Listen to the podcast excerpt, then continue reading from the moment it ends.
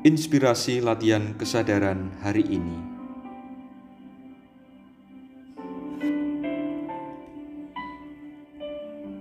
Kejujuran dalam doa menjadi gerbang pertama mengalami sukacita. Apa yang dapat kuungkap kepada Allah dalam doa yang sering kali tampak sederhana?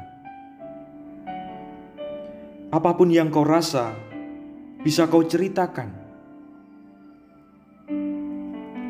Mulailah berdoa memakai perasaan, dan batasilah menggunakan pikiran. Kau terlalu sibuk dengan nalar dan akal tetapi kerap kali kau kerdilkan rasa dan kerinduan.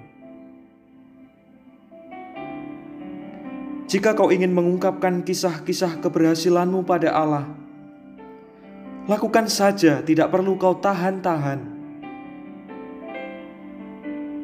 Kisahmu itu akan menyadarkanmu bahwa keberhasilanmu bukan semata-mata usaha pribadimu, tetapi selalu ada Allah yang ikut memberkatimu. Ataupun jika engkau ingin mengisahkan kesedihan dan kekecewaan, luapkan saja pada Allahmu. Allah pasti akan mendengarkan, karena kesedihan yang kau alami kerap kali hanya butuh didengarkan tanpa banyak komentar dan tanggapan. Allah senantiasa memahami perasaanmu. Keluh kesahmu tidak akan mengurangi kerelaan hati Allah untuk tetap dekat padamu. Buang jauh-jauh pikiran di kepalamu bahwa Allah sudah tahu. Ini bukan perkara Allah tahu atau belum tahu, tetapi ini perkara kepercayaan yang kau jalin dalam pola relasimu dengannya. Dengan kejujuranmu, Allah sungguh engkau percaya arti kehadirannya di dalam hidupmu.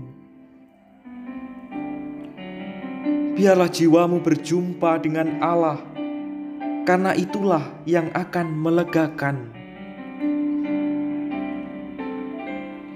Begitu juga denganmu yang ingin berbagi rasa iri hati pada sesamamu, atau juga mungkin kepicikanmu. Tak perlu kau ragu mengungkapkannya dalam doamu. Akui saja bahwa aku iri dengan keberhasilan dan kesuksesan sesamaku, padahal aku sudah berbuat lebih baik dari mereka. Jujurlah tanpa rasa malu Ingatlah, Allah tetap bersamamu. Cobalah kau rasakan buahnya perlahan.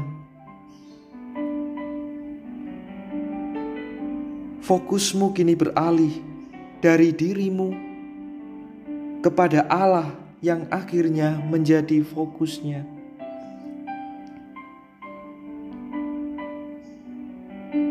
Hasilnya, batinmu menjadi lebih tenang. Perubahan pun menjadi mungkin.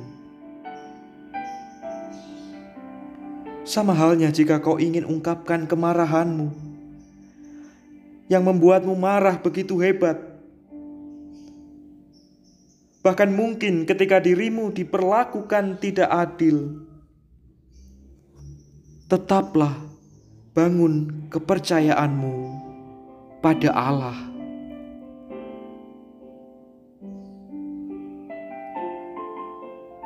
Apa pun yang kau rasakan dan sesudah kau ungkapkan, tetaplah beri saat dan kesempatan bagi Allah untuk membuatmu tenang.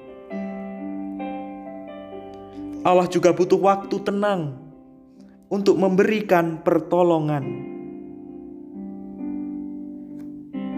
Jika Allah tahu bagaimana mengubah hatimu, Ia pun tahu bagaimana mengubah hati mereka yang telah menyakiti dan membencimu. Tuhan memberkati.